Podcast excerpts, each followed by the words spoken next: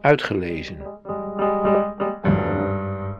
Korte verhalen van en door Janneke Hollera. Titi en Pipa.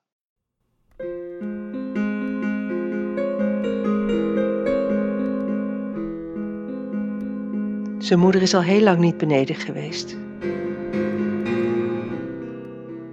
De voetstappen van de dokter en die van zijn vader op de trap worden steeds langzamer en zwaarder.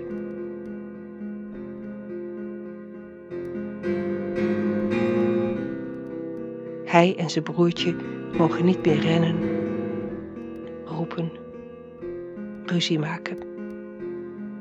Hij zit in zijn kamer en wordt stiller en stiller. En op het dag wordt alles stil. Niets beweegt meer in het grote huis. Zelfs de lucht hangt onbeweeglijk. Hij is tien. Buiten slaat zijn broertje met een stok tegen een container. Jullie mogen mama zeggen, maar het hoeft niet.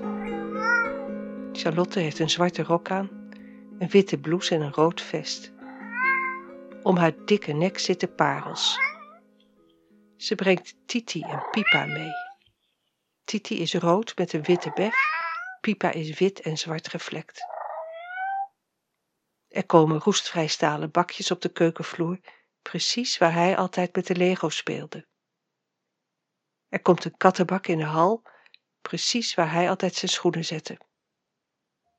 Haar kleren, dat wil hij niet weten, waar die allemaal hangen. De slaapkamer van zijn vader is trouwens vanaf nu verboden gebied. Charlotte speelt piano en zijn vader zingt, te kinderachtig om waar te zijn. Hij is twaalf. De katten krabben aan de banken en de stoelen en de deuren. Ze scheiden dunne gele poep in de kattenbak. Het hele huis stinkt. Hij kokhalst.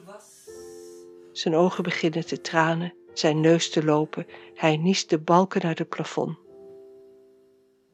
Zijn hoofd zwelt op als een rode ballon, hij krijgt koorts die niet wil zakken en zijn luchtwegen raken zodanig verstopt dat hij met spoed naar de eerste hulp moet.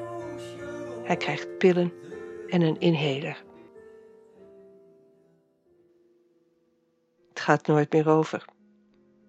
Ook niet als de katten de geest geven. Ook niet als zij na dertig jaar doodgaat. Ook niet als zijn vader een nieuwe vriendin krijgt die wel aardig is.